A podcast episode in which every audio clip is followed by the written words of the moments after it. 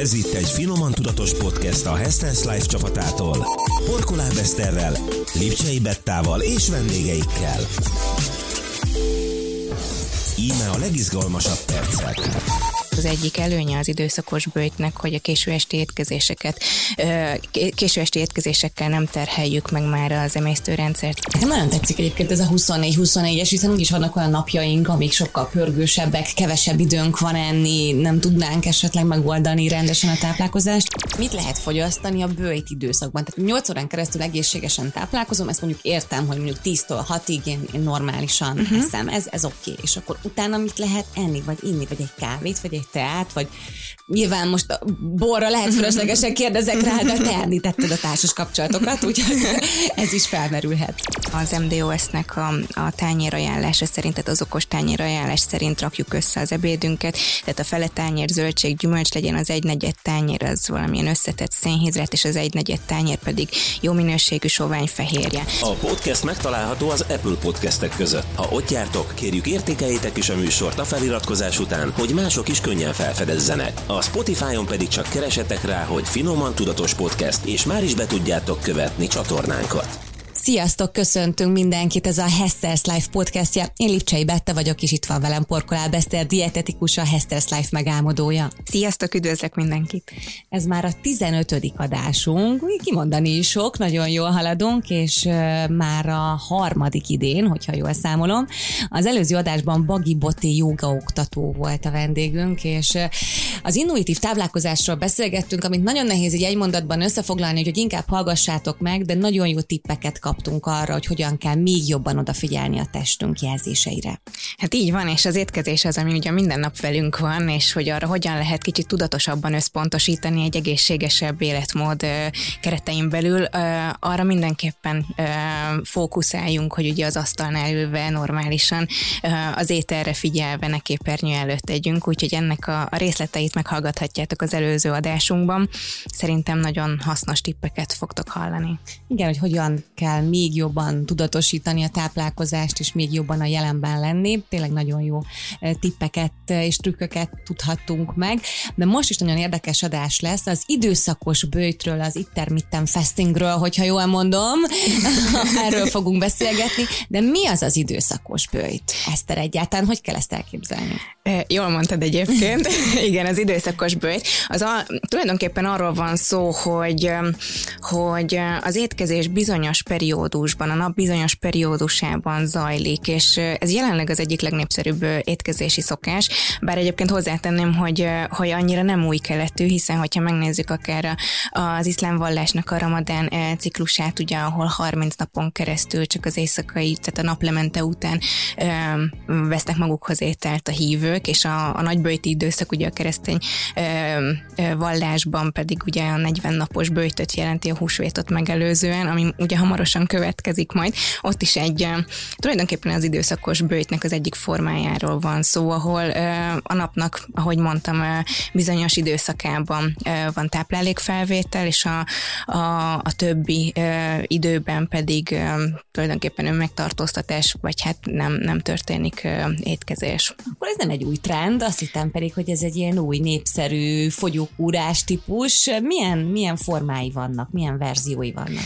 Ez többféle verziója van, mert én azt gondolom, hogy ez egyik legjobban követhető, legjobban beépíthető formája az a 16-8-as felosztás, ami azt jelenti, hogy a nap 16 órájában van a koplalási időszak, és 8 órában pedig az étkezési időszak, és ez mondjuk történhet reggel 8-tól délután 4 óráig, vagy akár délelőtt 10 órától este 6 óráig. Itt azért én elmondanám azt, hogy az időszakos bőjtnek az egyik alappillére, illetve javaslata az, hogy az, az esti étkezéseknél fontos az, hogy, hogy ott már tartson ez a bőjti időszak, hiszen ez az egyik előnye az időszakos bőjtnek, hogy a késő esti étkezéseket, késő esti étkezésekkel nem terheljük meg már az emésztőrendszert, így az alvás minőségére is sokkal jobban fog hatni.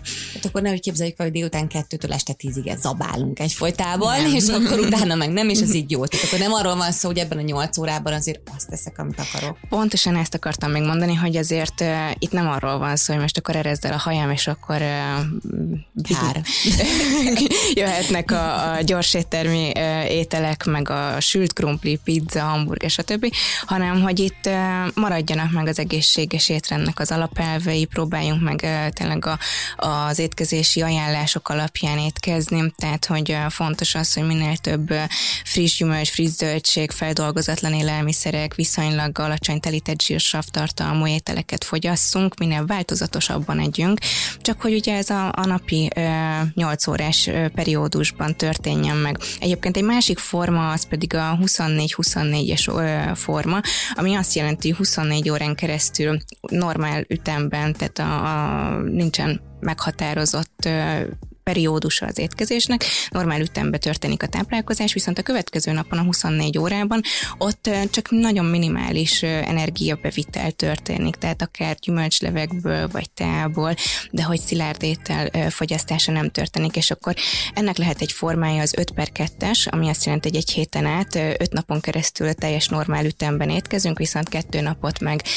ebben a bőtölési periódusban töltünk. Nekem nagyon tetszik egyébként ez a 24-24-es, hiszen úgyis vannak olyan napjaink, amik sokkal pörgősebbek, kevesebb időnk van enni, nem tudnánk esetleg megoldani rendesen a táplálkozást, és akkor ezzel a bőjtel ki tudjuk váltani. De azt akartam kérdezni, hogy miért jó ez a szervezet? Ez a gyomornak jó, vagy, vagy, vagy melyik belső szervünknek jó az, hogy nem eszek 16 órán keresztül, csak ugye folyadékot fogyasztok?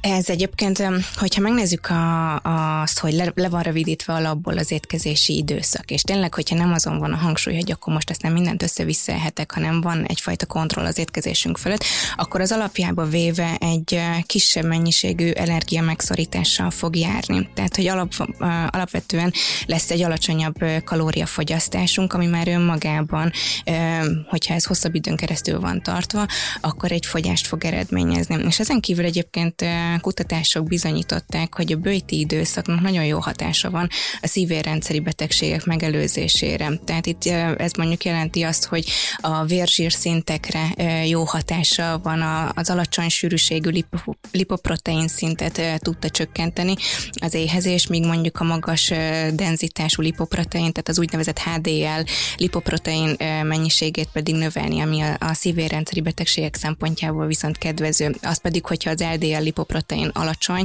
az, az is egy kedvező tényező lesz majd a, a, a kardiovaszkuláris betegségek megelőzése szempontjából. Tehát az egészségi állapotunkra jó hatással van, hasznos, bizonyos ö, ö, szituációkban egy ilyen bőjt. Mennyi ideig lehet ezt tartani? Ez egy életen át, vagy hosszú éveken át tartó, fenntartható ö, életmód. Lehet, hogy mondjuk én ebbe a 16-8, vagy akár a 24-24-es verzióban étkezem, tehát hogy bőjtölök, és ezek egyik nap, tehát hogy ennek a váltakozása? Én azt gondolom, hogy ez nagyon egyéni. Egyrészt attól is függ, hogy ki hogyan tolerálja magát a, a, a bőjtölést. Azért nem vagyunk egyformák korán sem, és az, hogy valaki ö, nem visz be ö, energiát a nap folyamán, az lehet, hogy egy sokkal idegesebb állapotot fog eredményezni.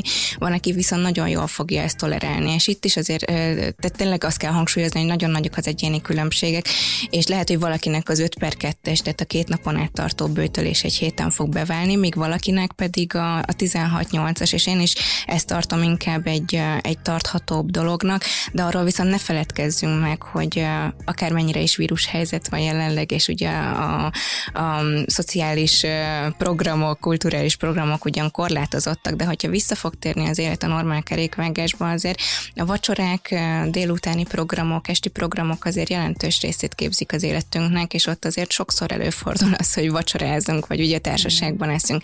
És azért az időszakos bőjtnél ez, ez problémát okozhat, hiszen, hiszen a társas kapcsolatokra lehet egy negatív hatása, hogyha valaki azt mondja a társaságban, hogy figyelj, én ma nem vacsorázom, veletek elmegyek, és akkor mindenki kicsit úgy, úgy ferdén néz rá.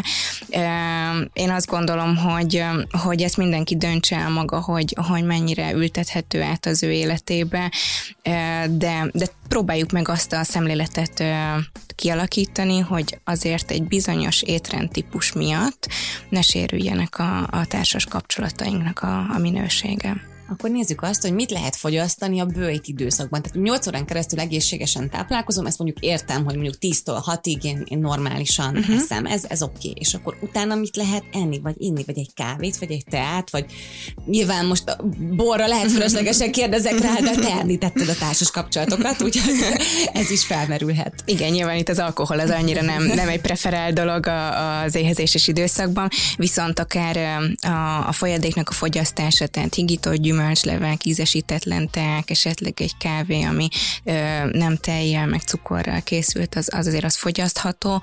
Itt az a lényeg, hogy maga ez a szilárd, klasszikus élelmiszerfogyasztás, ételfogyasztás ne történjen meg. Egyébként még egy másik érdekes anyagcserét illető dolog, hogy magában ebben az éhezési időszakban a zsírsavaknak az oxidációja meg fog nőni, és ezáltal a, a vérben a ketontesteknek a mennyisége meg fog növekedni. Az egyik ilyen ketontest a beta-hidroxi metilbutirát, és ez főleg a ketogén diétában figyelhető meg, ugye a ketózis állapotát fogja mutatni az, hogyha a ketontestek felszaporodnak a, a, a vérben. Ez azt jelenti, hogy ilyenkor a szervezetünk főleg zsírokból fedezi a szükséges energiát a létezéséhez vagy a mozgáshoz, és egyébként ez segíti a, a fogyást, tehát hogy maga az, in, az időszakos bőjtnek ez egy, az egyik járulékos hozadéka, hogy fogyást tud előidézni, különösebb megszorítások nélkül. Tehát, hogy itt nincsen nyersanyag megszorítás, nem, mond, nem mondja azt az időszakos bőt, hogy én nem eszem cukros ételeket, vagy nem eszem burgonyát, vagy nem iszom tejet, hanem itt tulajdonképpen mindent lehet, és amúgy egyébként az egészséges táplálkozásnak is ez a, a, a fő elve, hogy hogy nincsenek tiltott ételek és élelmiszerek, hanem csak kerülendő mennyiségek, és tényleg a, azt az arany középutat kell megtalálnunk, amiben ö, ö, se túlfogyasztás nincsen, se alulfogyasztás nincsen, tehát hogy, hogy pontosan igazodik a mi állapotunkhoz és energiafelhasználásunkhoz a, a bevitt kalória mennyisége. Tehát akkor szinte garantált, idézőjelbe garantált a fogyás, tehát hogyha valaki átáll erre, akkor nagy valószínűséggel, hogyha zsírtöblete van, akkor, akkor fogyni fog. Elég valószínű, igen, igen. És mi a helyzet az izomzattal? Hiszen nagyon sokan sportolnak, edzeni járnak, mivel hogy reggel elmegyek futni, és akkor csak tízkor elhetek, tehát hogy mi a helyzet az, ez, a sportolás? Igen, ez, ez jó, jó is, hogy felmerül, mert egyébként rengeteg kutatás, mai kutatás már elkezdte vizsgálni azt, hogy az időszakos bőjtnek milyen hatása van a teljesítményre, és ugye itt főleg egyébként a, a profi sportolókat emelném ki, hogy nincsen ö, olyan kutatás jelenleg, ami azt támasztaná alá, hogy a, az állóképességi vagy az erős sportágakra nézve teljesítmény növekedéssel járna az intermittent fasting. Tehát ö, ott ez, a, ez az a populáció, ami ahova én annyira nem szoktam, vagy nem ajánlanám az időszakos bőjtnek a, a kipróbálását, de ez is attól függ, hogy a sportoló melyik időszakában van, tehát hogy egy, egy alapozó időszakban, vagy egy tét időszakban, tehát szezonban vagyunk, akkor egyáltalán nem ajánlott, hiszen itt ilyenkor arról van szó, hogy a regenerációt biztosítjuk a sportolónak, és gondoljunk bele, hogyha a sportolónak sok edzése van, megterhelő időszakban van, akkor ott az edzés után egy fokozott glikogén raktár kiürülés van, és ott a következő étkezésnek az a szerepe, hogy ezt a raktárkészletet visszatöltse, és a következő megmérettetésen vagy edzésen jó teljesítménnyel és feltöltött készletekkel tudja majd nekiállni a, a, a dolognak.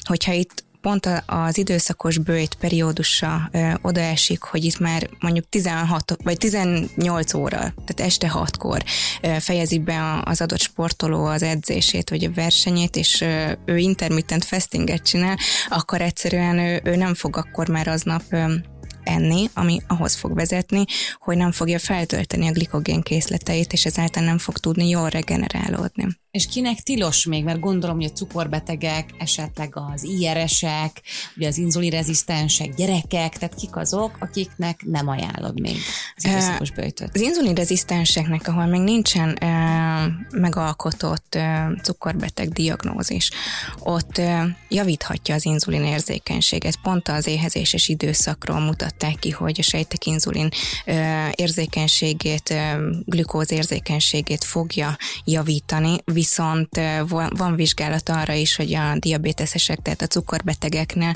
sajnos nem javította ugyanúgy a sejteknek az inzulin érzékenységét, ami már egyébként arra vezethető vissza, hogy ott már egy olyan szintű anyagcsere felborulás van, amit mondjuk egy időszakos bőjtnek a, a bevezetése nem tud rendezni. Gyerekeknél pedig egyáltalán nem látom értelmét, hogy, hogy időszakos bőjtre fogjuk őket, hiszen fejlődő szervezet, ők tanuljanak meg tényleg normálisan étkezni asztalhoz ülve. Tehát, hogy itt szerintem sokkal fontosabb egy olyan szemlélet és egy olyan mindfulness kialakítása, ami, ami majd később a, a gyermek, gyermeknek a felnőtt életében lesz egy hasznosítható dolog, és lesz mihez nyúlni a szokások tekintetében. Beszéltünk már az időszakos bőjt előnyeiről, hogy a fogyást eredményez, hogy egészséges, ugye bizonyos embereknek is, hogy milyen jó hatással van a szervezetre, az anyagcserére, de hogy álljunk hozzá? Tehát, ha most én holnap eldöntöm, hogy ki akarom próbálni, akkor egyszerűen tudom, felkelek nyolckor, és akkor nem eszek tízig, tehát hogy, hogy, hogy kezdjen hozzá, aki teljesen laikus ebben a témában. Igen, tehát hogy, hogy kezdjünk a mhm. reggelivel, mondjuk a reggel 8 órás időszaktól. Hát egy sék akár? Vagy akár egy, egy sék, vagy egy, vagy egy műzli, uh-huh. egy granola, egy zapkása, uh-huh. egy tojás, ilyenkor ez bármi Bár. lehet, legyen kiegyensúlyozott, ne töreke. És onnantól kezdve 8 óráig ehetek. És akkor onnantól kezdve 8 óráig, de az ne egy egybefüggő Igen. étkezés legyen, ugye erről is beszéltünk, hogy, hogy azért az étkezések között egy jó két és kettő-két és fél órának el kellene telnie, tehát ne az legyen, hogy most aztán rászabadul az ember Persze. a hűtőre, vagy a, a gyors étteremre, vagy bármi másra, és akkor ebben a nyolc órában összefüggően eszik, hanem, hanem ez tényleg legyen kialakítva, akkor reggelizzünk meg reggel nyolckor, uh, valamit a délelőtt folyamán érdemes csípni, akár legyen ez egy gyümölcs, egy pohár joghurt, egy marék mandula, aztán jöhet az ebéd dél és egy óra között, ez is érdemes, hogyha akár az MDOS-nek a, a tányérajánlása szerint, tehát az okos tányérajánlás szerint rakjuk össze az ebédünket, tehát a fele tányér zöldség, gyümölcs legyen az egy negyed tányér, az valamilyen összetett szénhidrát, és az egy negyed tányér pedig jó minőségű sovány fehérje. Így nézhet ki mondjuk jól egy, egy egészséges ebéd az intermittent fastingben, és a délutáni időszakban pedig akár a négy órát, tehát a négy óráig történjen meg az utolsó étkezésünk, ami lehet egy meleg étkezés is, vagy lehet egy hideg étkezés is. És utána pedig jöhet a folyadékfogyasztás, tehát a gyümölcslevek, turmixok is lehetnek, tehát mondjuk én csinálhatok egy nem tudom, zeller, uborka, nem tudom milyen turmixot, az, az már folyadéknak számít, vagy azért az... Az azért már élelmiszernek az számít, élelmiszer. igen, igen, tehát hogy itt akkor valóban, a, hogyha csak a levek. É, csak a levek, hogyha éhesek vagyunk, azt gondolom, hogy az első időszakban, hogy átállunk erre, azért ott még a, az éjség jól lakottság, hormonok mennyisége, szabályzása nem fog úgy olyan könnyen átállni, mint ahogy mi átálltunk erre a, a típusú étkezésre, úgyhogy egy picit türelem kell, és, és akkor ezek a hormonok adaptálódni fognak a megváltozott állapothoz.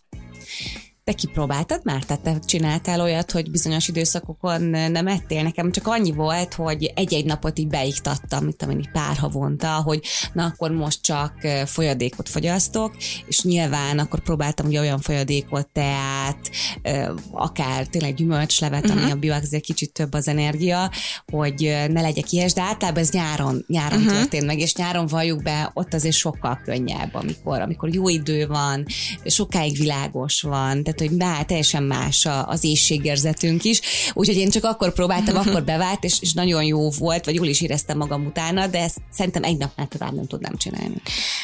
Én próbáltam egyébként, és egyébként érdekes, hogy mondod a nyarat, nyilván olyankor az embernek több is a programja, tehát magára az étkezésre egy picit lekerül a fókusz, mint most, amikor a téli időszakban be vagyunk zárva a négy fal közé, és, és magasabb energiatartalmú, úgymond komfortételeket is kívánunk, tehát hogy összehasonlítva valóban könnyebb a nyári időszakban ezt, ezt megtenni.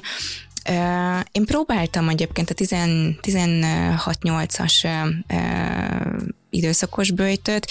Én nekem bevált, és nem azt mondom, hogy, hogy én ezt innentől mindig így fogom csinálni, mert nem fogok a kardomba dőlni, és ezt is üzenem mindenkinek, hogy egyébként nem fog semmi történni, hogyha mondjuk az utolsó étkezésed egyszer-egyszer fél hatkor, hatkor fog megtörténni viszont, viszont tényleg jó hatással tud lenni egy-egy rövid időszakban az ember életének. Aztán mondom, tehát, hogy, hogy sokszor azért a, a, a társas kapcsolatok lesznek azok a, a meghatározók, amik majd el tudják dönteni, hogy valóban az ember tudja alkalmazni, mert igazából, hogyha ez az étrend nem válik be, akkor az valószínűleg valószínűsíthető, hogy, hogy ha amikor hazajön a párod este, akkor találkoztok, akkor ülnétek össze, akkor beszélnétek egy vacsora mellett, akkor nem fogod azt mondani, hogy, hogy, hogy nem eszek, és, és ezt jól is teszed, mert tényleg azt gondolom, hogy egy ilyen típusú étrend miatt ne sérüljenek a, a szociális kapcsolatok.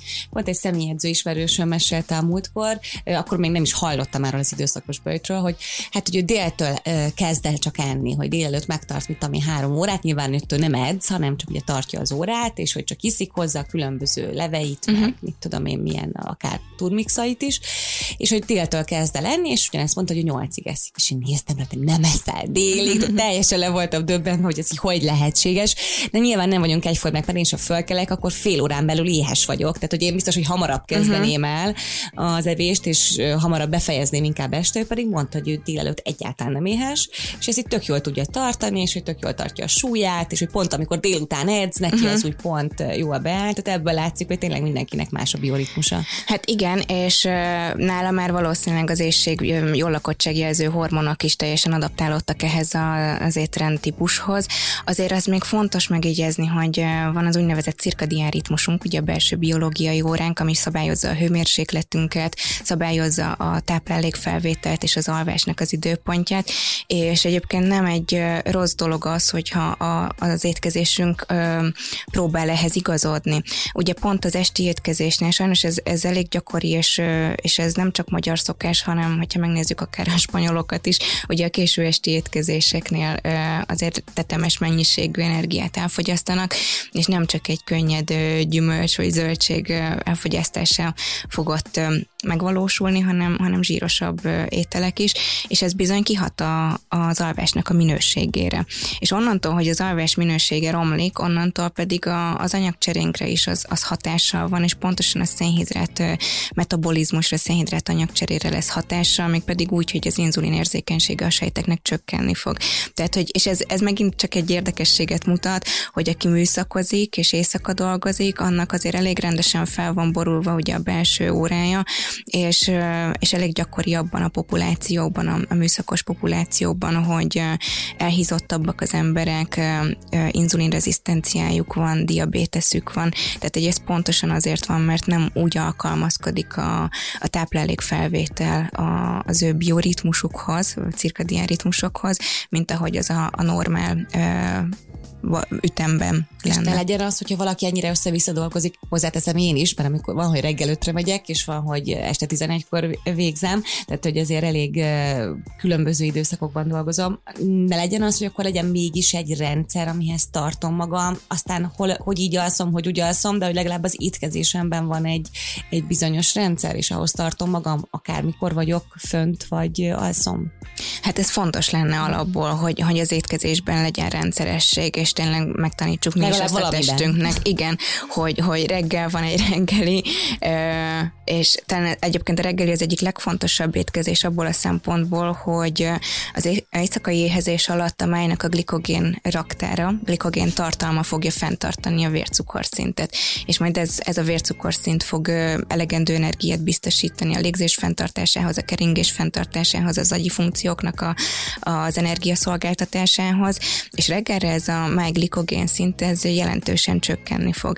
És első körben a reggelinek az a feladata, hogy ezt a máj glikogént visszatöltse, és ilyen módon fog hozzájárulni majd a reggeli ahhoz, hogy a, a délelőtt folyamán a, a kognitív funkciókat, tehát az észlelés, tanulás, reakció funkciókat megfelelően meg tudjuk valósítani, és el tudjuk látni. Tehát, hogy ez ugye főleg gyerekeknél Igen, nagyon pont fontos ezt ez. mondani, hogy hány olyan gyerek van, aki, aki reggeli nélkül megy iskolába, Igen. és hogy iszonyatosan fontos lenne. Így van, és nem csak a gyerekeknél, hanem sajnos felnőtteknél is, meg hát sportolóknál is azért ez, ezzel küzdünk, és próbálunk változtatni ezen a szokáson. Úgyhogy ez, ez nagyon-nagyon fontos, hogy a reggeli az legyen meg mindenki életében.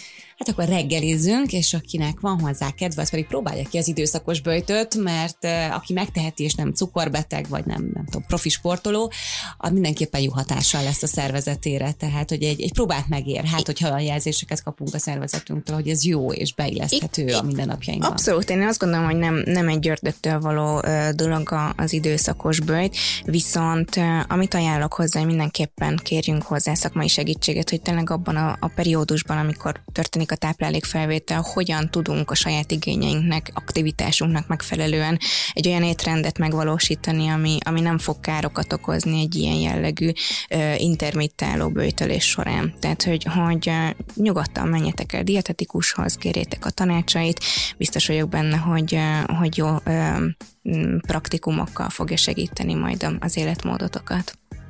Ebben én is biztos vagyok, hiszen amióta ismerlek, teljesen más táplálkozom, mint előtte. És jöjjön még egy jó tipp, egy hiedelem, hiszen idén most 2021-ben bevezettük, hogy különböző hiedelmekről lát, rántjuk le a leplet, és próbálunk rávilágítani, hogy van-e valóságtartalma annak a hiedelemnek. Tévhitek. A Hester's Life szemfeltáró robata. És itt van a mostani, a magas zsírtartalmú ételek egészségtelenek. Ez igaz vagy hamis? Ez megint egy nem olyan egyszerű téma, mert eh, mit nevezünk magas zsírtartalomnak? Magas zsírtartalmú az az étel, ami 17,5 g per 100 g fölötti eh, zsírtartalommal rendelkezik. Az alacsony meg egyébként csak ízárójába jegyzem meg, hogy ez pedig 3 g alatti per 100 g eh, zsírtartalommal bír.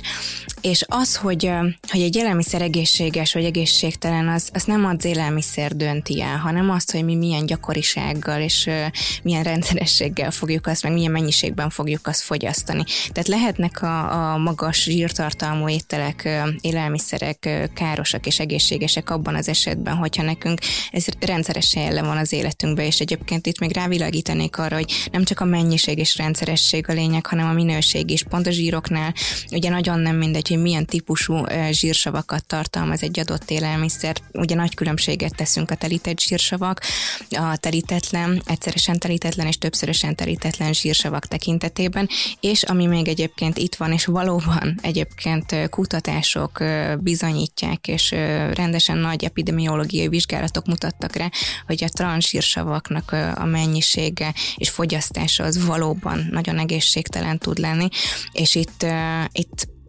el szeretném mondani, hogy Magyarország egy élenjáró példa az Unióban, hiszen a 71 per 2013-as emmi rendelet szabályozza az élelmiszerekben a transzsírsav mennyiséget, és ez először Magyarországon került kimondásra és szabályozásra, és az uniós országok után ezt a példát szépen átvették, úgyhogy ilyen tekintetben büszkék lehetünk magunkra.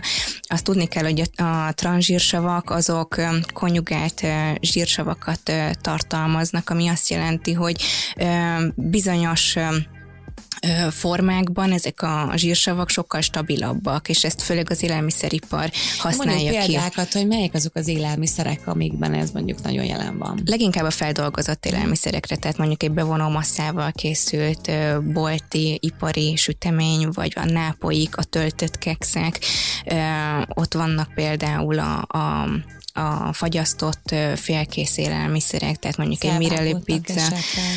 A felvágottak annyira nem, tehát hogy inkább azok az édesipari dolgok, meg félig feldolgozott félkész termékek, amihez használtak zsírokat. Úgyhogy itt, itt annyit említenék meg, hogy ez a rendelet egyébként azt szabályozza, hogy többek között, hogy a, azok a, az élelmiszerek, amelyek a fogyasztóknak, vég, végleges fogyasztóknak élelmiszerek, élelmiszerek, például egy péksütemény, az 2 g per 100 g feletti értékkel rende, nem rendelkezhet. Tehát, hogy tilos az olyan élelmiszernek a forgalomba hozatal, ami több tranzsírsavat tartalmaz, mint 2 g per 100 g. Itt ebben már csak az az egy nehézség van, hogy sajnos a gyártóknak nem kötelességük jelölni az élelmiszer címként, tehát hogy ezt maga a gyártó fog tudni erről nyilatkozni, hogy mennyi van az adott élelmiszerben, de sajnos a címkén ezt nem kötelező jelölni, holott egyébként ez egyfajta edukációt jelentene a fogyasztóknak, és ilyen módon tudatosabbak lehetnének, de elég most igazából azt tudni, hogy valóban ezek a bevonó masszával készült ipari sütemények, cukrásztermékek, növényi habtejszínnel készült pudingok például, amit ott a hűtőpultba találunk, azokban elképzelhető, sőt van is transzsírsav, és lehet, hogy az adott termékben mondjuk megfelel a, a transzsírsav mennyisége a szabályozásnak, vagy a rendeletnek, viszont az már csak rajtunk múlik, hogy mi ezeket milyen rendszerességgel fogjuk fogyasztani, úgyhogy erre, erre kellene figyelni, hogy hogy ezeket a típusú élelmiszereket minél alacsonyabb szinten tartsuk az étrendünkbe, mert bizony ezek bizonyított szívérrendszeri kapcsolat, szívérrendszeri betegségeket tudnak okozni. És olyan azokkal a zsíros ételekkel, amiket azért elég sokszor fogyasztunk, mondjuk a sajtokra, ömlesztett sajtok, uh-huh. tehát ezek a tipikus olyan élelmiszerek, akár a pudingok, amiket mondtál, vagy a joghurtok, a ízesített joghurtok uh-huh. lehet állandóan ilyen különböző színeseket látni, mindig a gyerekeknek van kirakva ilyen színes puding, és rosszul vagyok, amikor meglátom a színét is. Biztos finom egyébként, tehát nem azért mondom, hogy nem, nem finom, biztos finom, csak már ránézésre is azt gondolod róla, hogy egészségtelen.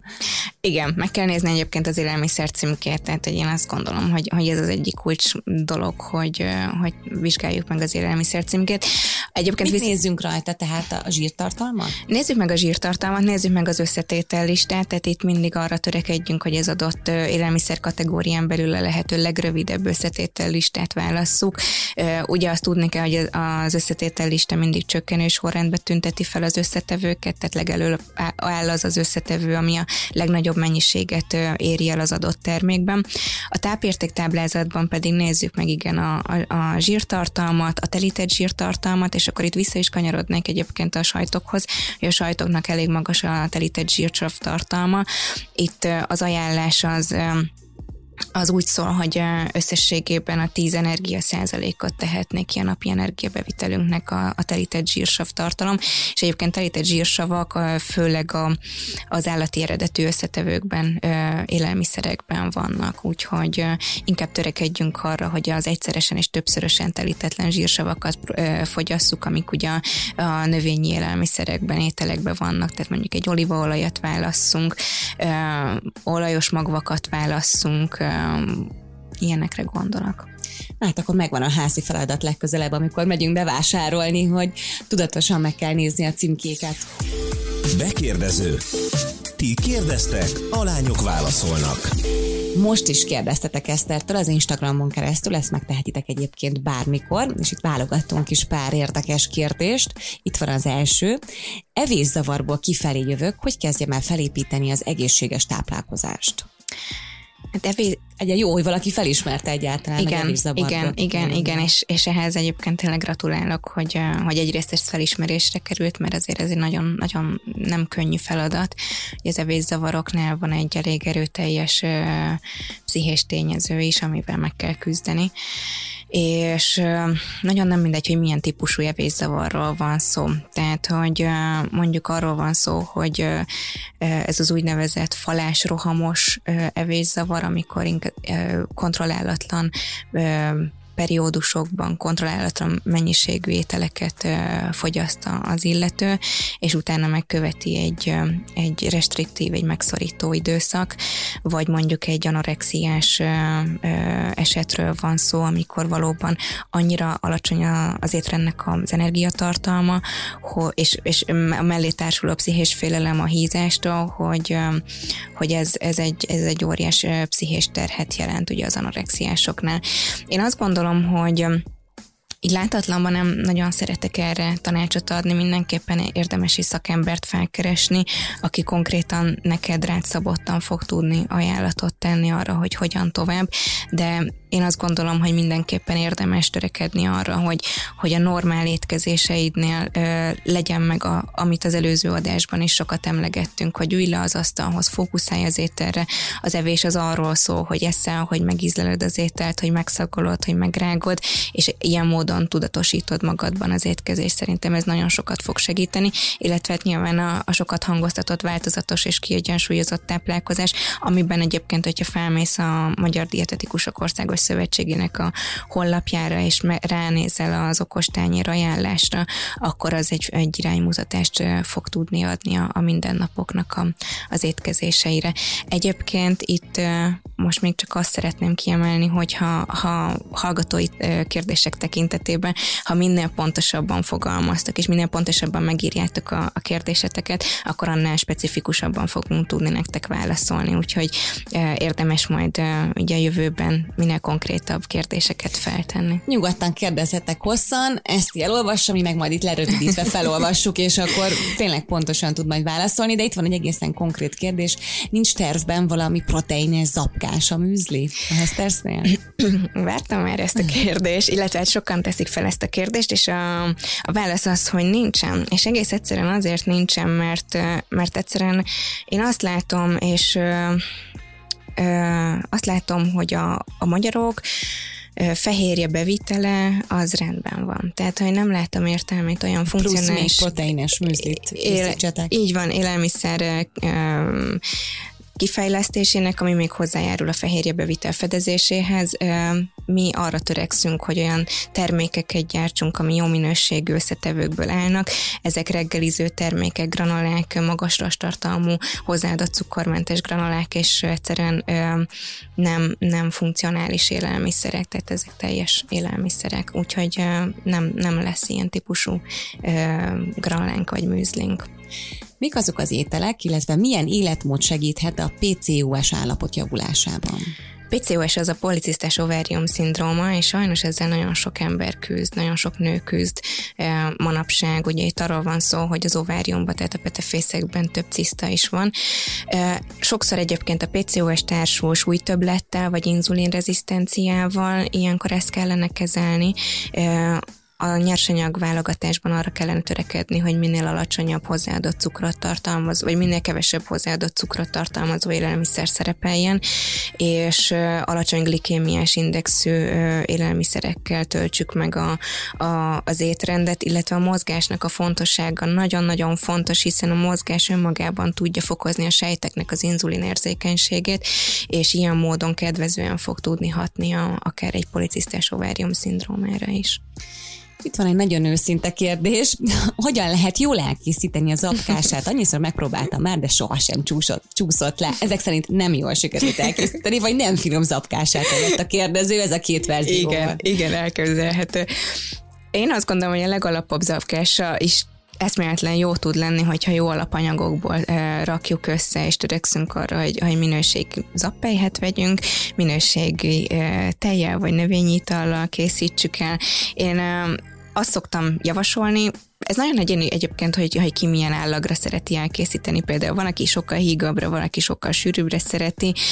Szerintem egy arany középút, hogyha 50 g zappehelyhez egy mondjuk 150-200 ml folyadékot öntünk, és akkor ezt ízesítjük tovább fahéjjal, valamilyen édesítővel, lehet ez egy datolja örlemény, de lehet energiamentes édesítő, akár egy stevia eritrit keveréke, de azt is lehet, hogy mondjuk egy banánt villával jól összepasszírozunk, összetörünk, és ezzel édesítjük meg a, az apkását, és hát különböző magokkal, gyümölcsökkel még tovább lehet fokozni az élvezetet, e, friss gyümölcsökkel, mandulával, pekándióval, pisztáciával, vagy akár mákkal, tehát hogy egy csomóféle e, lehetőség létezik. Hogyha meg egyébként nem vagy kísérletező típus, akkor meg ajánlom a saját Hester's Life e, zapkásainkat, amik úgy vannak ízesítve és édesítve, hogy az egy egészséges étrendbe beleférjen. Hogy azon már nem kell variálni, így van. Úgyhogy ez, ez lehet egy B-terv vagy B-opció. Fúj, mert most éhes lettem, hogy elkezdtem mondani az apkását és az összetört banánt és a pekándiót, fú, ez nagyon jó hangzik, hogy ha ez nem ízlik a kedves kérdezőnek, akkor ott tényleg valami más probléma van, de, de tényleg az apkása nagyon jó tud lenni, csak kicsit színesíthetjük, és, és az Instagram oldalon egyébként majd különböző ilyen tippeket ki is rakunk uh, sztoriba, hogy milyen díszítések vannak, hogy még kívánatosabb legyen az így az van, így van, így van. Egyébként, hogyha követitek az Instagram oldalunkat, akkor ott azért rengeteg inspirációt fogtok kapni, vagy hogyha felmentek a hesterslife.com oldalra, és ott a blogra kattintotok, azért ott rengeteg recepttel fogtok tudni találkozni, ami a hesterses alapanyagokra épül. Ú, én láttam most legutóbb ott teszem, egy almás süti recept volt, Igen. de lehet, hogy ez nem friss, de most csináltam meg, és az már isteni lett. Tényleg? Tehát nagyon bevált a, a családnak, mindenkinek nagyon ízlett. Úgyhogy köszönöm szépen innen is a tippet, nektek Na, is ajánlom, hogy próbáljátok ki, vagy akár az az időszakos böjtöt, hogyha megjött hozzá a kedvetek. Nagyon érdekesen hangzik. Igen, én is azt gondolom, hogy ez, egy, ez, egy, ez az irányzat nem egy rossz irányzat, de mindenképpen kell hozzá a szakmai ö, ö, megítélés és a szakmai segítség, úgyhogy ezt ne felejtsétek el, amikor belevágtok. Köszönjük szépen, hogy velünk tartottatok, legyen szép a napotok, sziasztok! Köszönjük, sziasztok! Ez volt egy Finoman Tudatos Podcast a Hesters Life csapatától. Porkoláb Eszterrel, Lipcsei Bettával és vendégeikkel.